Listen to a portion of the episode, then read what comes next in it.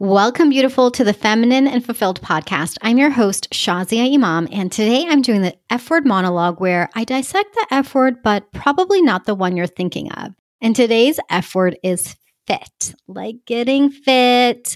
Okay, full transparency, I have lost about 10 pounds this year, which sounds really strange because most people are talking about COVID weight. And you might be thinking, Shazia, you lost weight? I did. So I want to talk to you about how I did and really how I got fit. I'm going to share with you behind the scenes what I've done, but I am not an expert. I like want to put a disclaimer right now. I am not an expert. And if you really want to listen in to what the experts have to say around nutrition, body, movement, then I highly recommend that you listen to three of my other feminine and fulfilled episodes. The first one is episode 11 with Noor Zibdeh, who is a nutritionist who focuses on chronic health issues. She's fantastic if you're looking to really get to the gut of the issue. And speaking of gut, also listen to episode 31 with Laura Frontero. She is a health coach and she has and she has decades of a background in being in the medical industry. So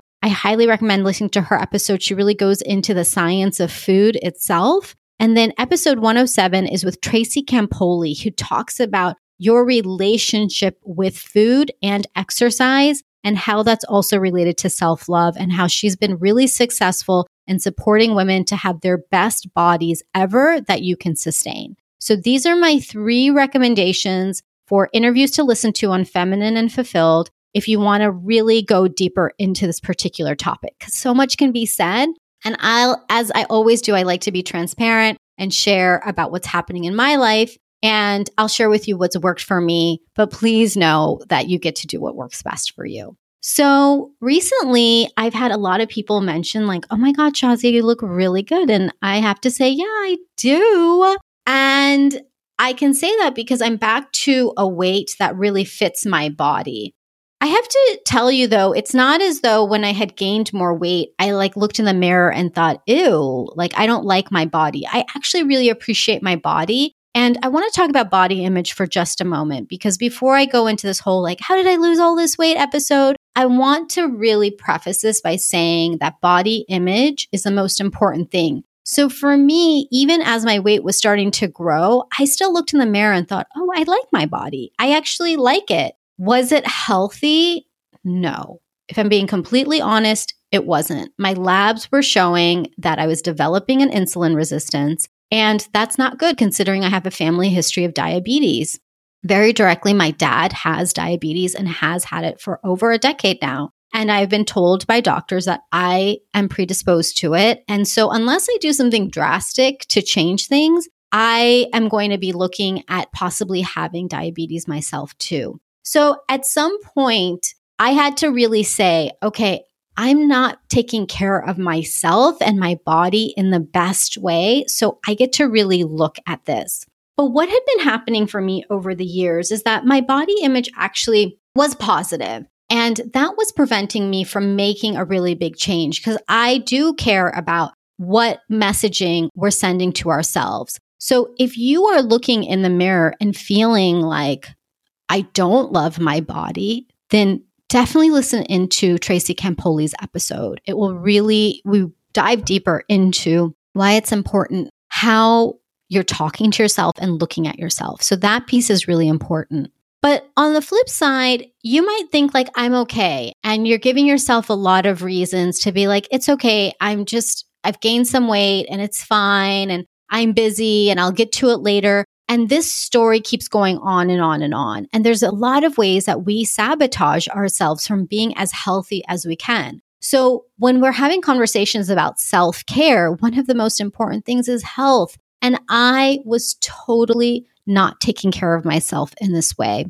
And I'll tell you some of the reasons why. So, one of the big reasons is that I was eating out of boredom. I was eating because I was feeling lonely when I was in Texas. I've lived there for four years now. And I was just feeling like I didn't have anything to do. And I would putz around the house and I would basically go from my desk to the pantry, back to my desk and back to the pantry again just to eat because I didn't know what to do with myself. it was feeling like something was missing. And so I wanted to fill that feeling. And I noticed that in Texas, especially for me, the culture is really different. The culture there is really focused around food too. So the activities were focused around food. Everything is like, what restaurant are we going to go to? Because there weren't a lot of things to do. And the portions are massive. When they say everything's bigger in Texas, it really is. When I had first moved there, I was really surprised by the portion sizes because I was like, this could feed three of us. And I don't just mean three of us like bird sized portions. I mean a full meal. It could be my husband, myself, and somebody else. And we would all feel very satiated afterwards. But when you have that much food in front of you, it's natural to just eat it. And so I noticed that my portion started to get bigger, my stomach started to expand, and I was just eating a lot more. This is the truth. So my waistline absolutely was getting bigger. My lab results were showing I'm developing an insulin resistance. And every time I thought, okay, this time I'm going to take care of my health and I'm going to do something, I felt so restricted. I hate diets. Like I hate them. The word die is in the word diet. When somebody mentioned that to me once, I was like, yes, this is why I don't I don't want to die in my life. I want to live my life. I want to enjoy food. I want to enjoy my relationship with food if it's a, a means to be with friends and and family and having a good time. But there has to be a fine line that's drawn in the West, especially in the US, where we have complete access to food, and food has no longer become a way to either sustain yourself or a way to connect over a meal. Instead, it's become a way to just fill this void. And we just have such easy access to food and we have easy access to really bad food. So, the other thing that happens too, I'm not trying to call out my husband, but I'm just calling him out for a moment. When you live with other people who have different eating habits than you, it's very easy to then be eating what they're bringing into the house. So, for me, if I'm just living on my own or purchasing for myself, I'm not bringing in any snacks even for the family, I'm not going to bring in any snacks because I know if snacks come in the house, then I'm going to eat them. But when I go to the grocery store, I love to go to Trader Joe's and I ask I ask my husband and I say, "Okay, baby, what would you like?" And he says, "Oh, bring me back like a cake or something sweet." What does that really mean? I'm going to tell you what it means. It means that he's eating one slice of that delicious cinnamon coffee crumb cake that I get at Trader Joe's, and then I am eating 10 slices on my own. because I have no idea how he can control himself and just have one slice. That evening I bought it and then he never eats it again. He doesn't. And then it just calls to me. It calls to me in the kitchen. It calls to me and says, Shazia, eat me, eat me. And I'm like, okay, because you're so delicious. And then guess what? Now I've eaten an entire cake. Not good. These things are not good for me. And I'm just kind of laughing out loud because I can hear somebody also being like, Shazia, are you in my kitchen? Yes, I am. I know what's happening with you. I totally see you, beautiful. And look, we're going to give ourselves some grace, but I'm going to tell you what shifted things for me because we can't keep on adding to our waistline. It is not helping. So here I am. I'm snacking. I feel really restricted. I don't like diets. I know this about myself. As soon as somebody says something like, oh, you should just cut out gluten, guess where I go? I go to Chick fil A and I get the spicy chicken deluxe sandwich on multi-grain bread. But that doesn't make it any healthier. Okay. I just totally ate a lot of gluten. So I know for me, I cannot be restricted. I'm a rebel. I don't like to follow rules. So if you make something feel restricted to me, I'm not going to do it. Okay. So something had to shift and it was not happening on my own, no matter what I tried. You know, I tried to bring better food in the house. That's not working. I'm tried to work out, but I noticed that basically after my mid 30s, working out alone was not enough to control my weight. I could maintain my weight, but I wasn't going to lose weight. I was no longer losing weight like I used to. Like, for example, in Ramadan, when Muslims fast for 30 days from sunrise to sunset, I used to lose weight every single year. But I had noticed that in the last few years, that wasn't working either. So I knew that something had to change, but what was it? So I ended up in Virginia. If you've been following my podcast now, you know that I've been in Virginia basically for the last few months. It was very unexpected. But it turned out to be really good for me because number one, I feel very fulfilled here. This is where I grew up. If you listen to my episode on Felicity, you'll hear why I love it here. It's a beautiful physical home environment, nature environment, family and friends, community, all of the things. So I noticed right off the bat when I had been here just a few weeks that my weight was dropping. I just noticed I wasn't as hungry because I was feeling very fulfilled. I was feeling fulfilled in my relationships, in my schedule, in my life. And so suddenly I didn't need food to be filling me up. So here's the first thing for you is to really pay attention to your relationship with food. I knew I was in this relationship too, but I could not get out of it. And so for me, now when I go back to Texas, I know that I get to absolutely have more nourishing relationships and fill my life with things that make me feel fulfilled. That is on me. That's absolutely on me. Because when I began to feel fulfilled, I didn't need to fill my tummy anymore with food. That's just so interesting and fascinating. And I love understanding words and the use of words. So now I was full and filled by feeling fulfilled. So that was a huge game changer for me. And I just noticed I don't really feel like I have to eat right now. I don't feel like I have to eat empty calories either.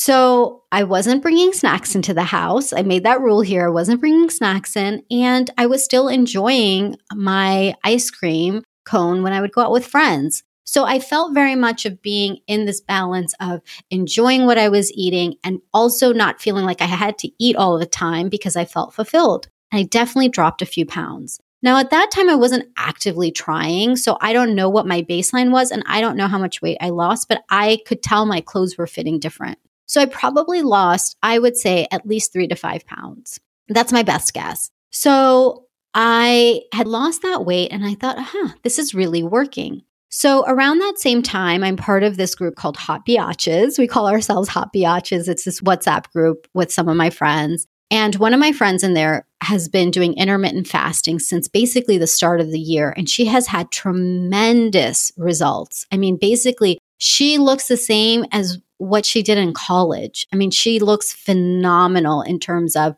just her weight. She's toned. She's been working with a trainer several times a week, as well as doing intermittent fasting. And she has really become conscious of her health because her labs also weren't good. And she made this decision.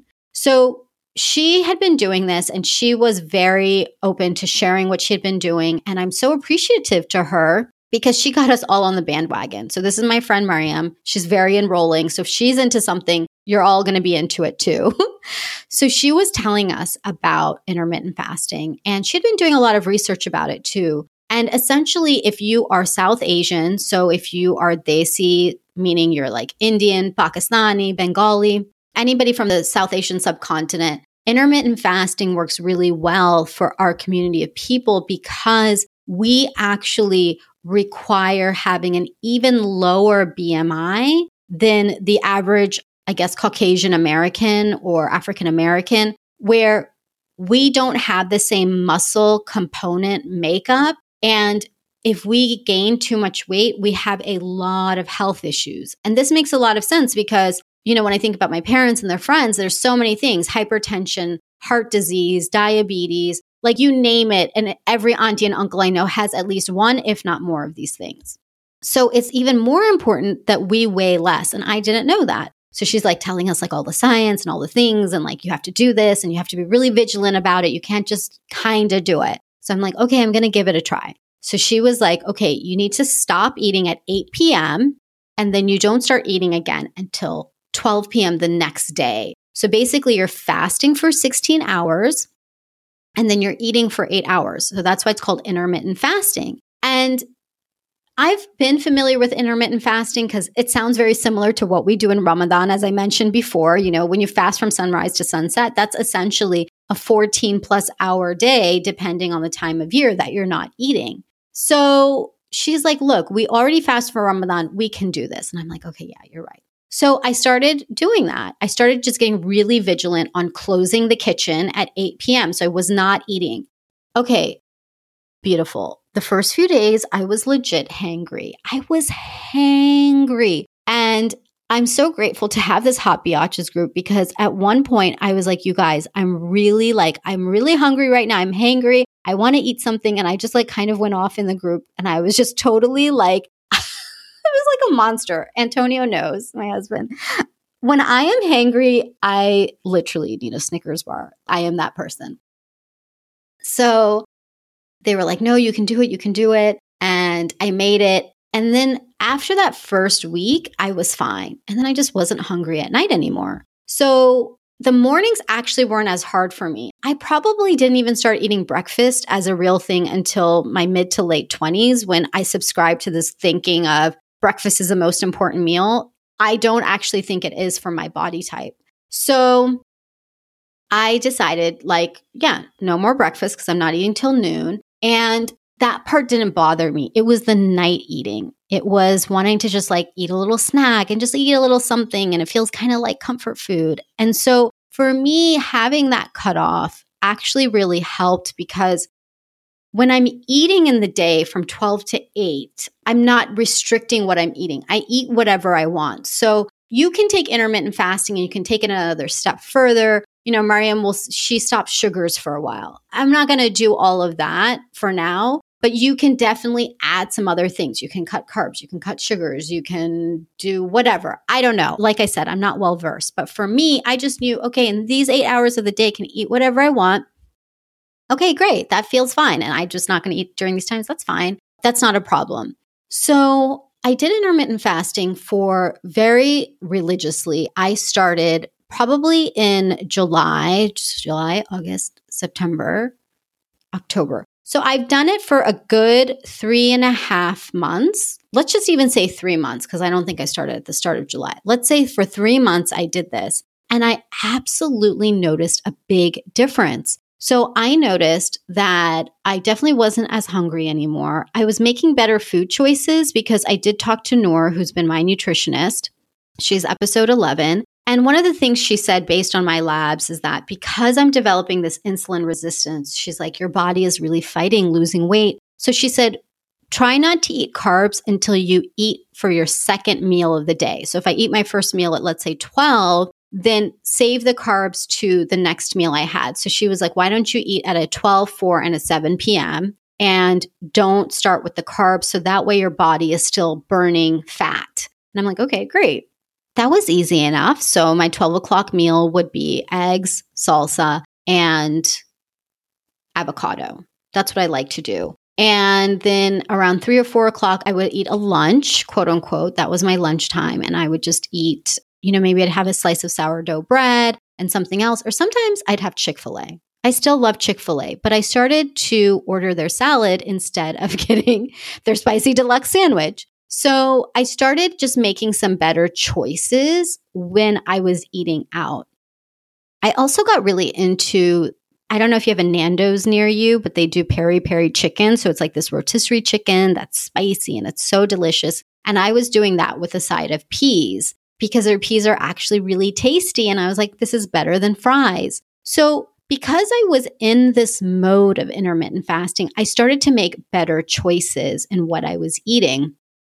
Did I still eat ice cream? Yes, I did. Did I still sometimes get a sandwich at Chick fil A? Yes, I did sometimes. I'm not here. I can never be super restrictive to myself. It's just not my personality. And if I do that, I know I'm going to swing to the other side. So I didn't.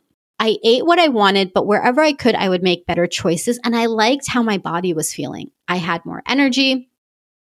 I was sleeping better. And I just noticed my clothes were fitting differently. I felt like I was coming back to what my body should naturally be, which for me, I am a petite woman with a small bone structure. So I can't actually physically even carry a lot of weight. So for me, it just feels good. It feels really good to be at what is more of my ideal weight. So Along with all of this, the thing that I had already been incorporating was physical activity. So I have been biking several times a week for months now, and I've really enjoyed it. So between biking and getting that activity, I walk in the evenings and the afternoons.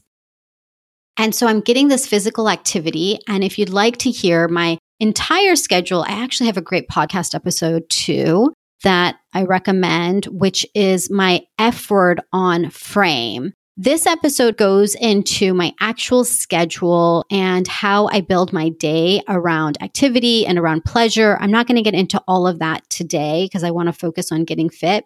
But if you want to hear how I frame my day, take a listen to episode number 130, which is frame. Okay. Yeah, this episode is almost like a spider web for all of these other episodes that will all really support you in your journey to feeling more fit and feeling better. So, between the physical activity, what I was eating, and then I ironically, I started eating out more often. Now, I know that this is easier when you're on your own and not as easy with family. So, if you've got little ones or you've got a spouse in the house, I know that eating out isn't as much of a luxury, but I noticed that by eating out, I wasn't bringing as much food into the house. And because I wasn't doing that, then when I would go out, I was being really conscious of making better choices. So I made eating out work out for me to be healthier. So that's just a very different kind of tip because people typically will not recommend eating out. But if I'm eating salads and rotisserie chicken and vegetables, then these things are actually really good for my body. And it's better than maybe me just eating something at home that's not as healthy. Also, I'm not that good of a cook and I don't like being in the kitchen. So this is what works for me. So let me tell you my results. So I told you I'd lost about three to five pounds just with doing nothing except feeling fulfilled. So if you can find what makes you feel fulfilled, that's already going to help you. But doing the intermittent fasting along with the physical activity and feeling fulfilled resulted in me losing an additional 10 pounds. So I don't know like my exact numbers because I can only go off of what I had weighed myself at the start of the year. So let me just work off of that. So from the start of the year, when I went in for my annual exam until last week, I had lost 14 pounds. My God, that's a lot. That's a lot, you guys.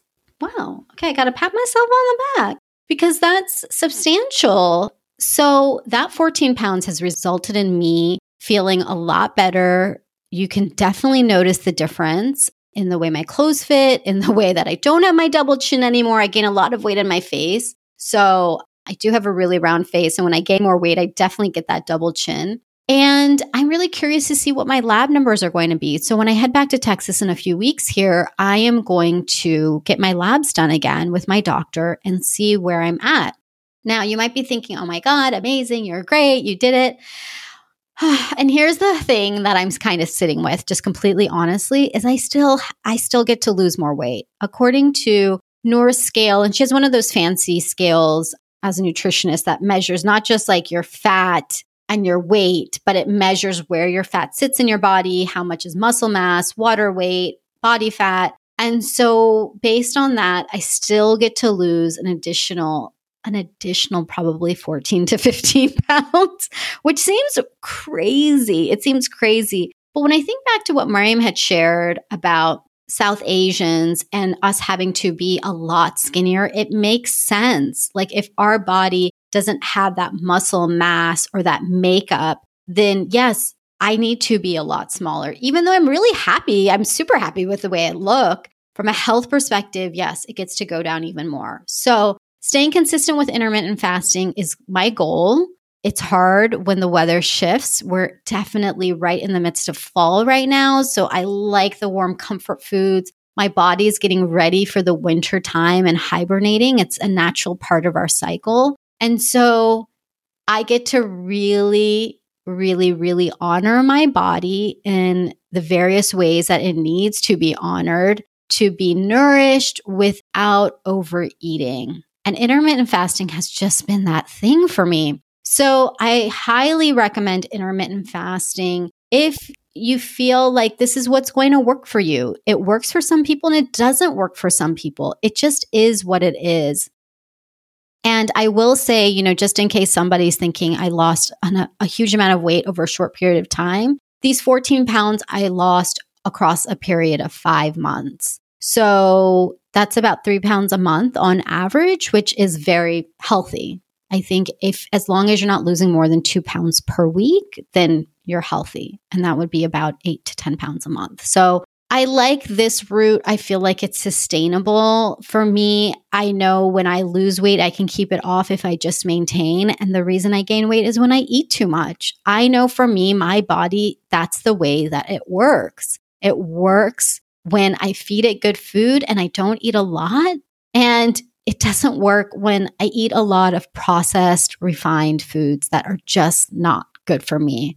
So Everything is always a work in progress. I'm not looking for perfection here. I'm not looking to get to an ideal quote unquote weight, but based on what this scale and my labs are saying, I definitely am committed to my health. I'm committed to continuing to be active and to eat good foods.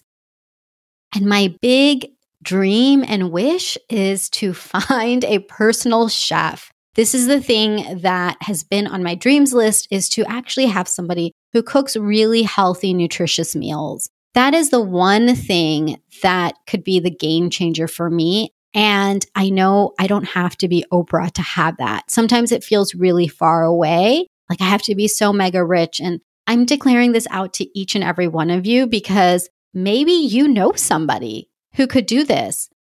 And I know that when I speak it out into the world, things happen. So, what is on your vision? What's your dream for yourself when it comes to your health? Is it that you want to be more active? Is it that you want to eat more delicious foods? Is it that you maybe even want more time to be in the kitchen? Maybe you love cooking and you would love to be in the kitchen.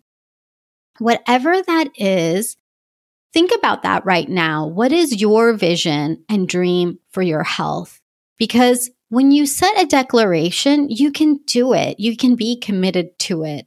And we're all in this together. We get to be healthy while we love our bodies. We still get to be healthy because ultimately our health is the second most important thing after self love, I would say, because our health is loving our bodies. And I know that for me, I get to keep doing what's working and I'll be honest, I like the way it looks too. I do. I'm like, oh, I, I really like how I'm fitting in this outfit. Suddenly, a lot of clothes are fitting me a lot better than they used to.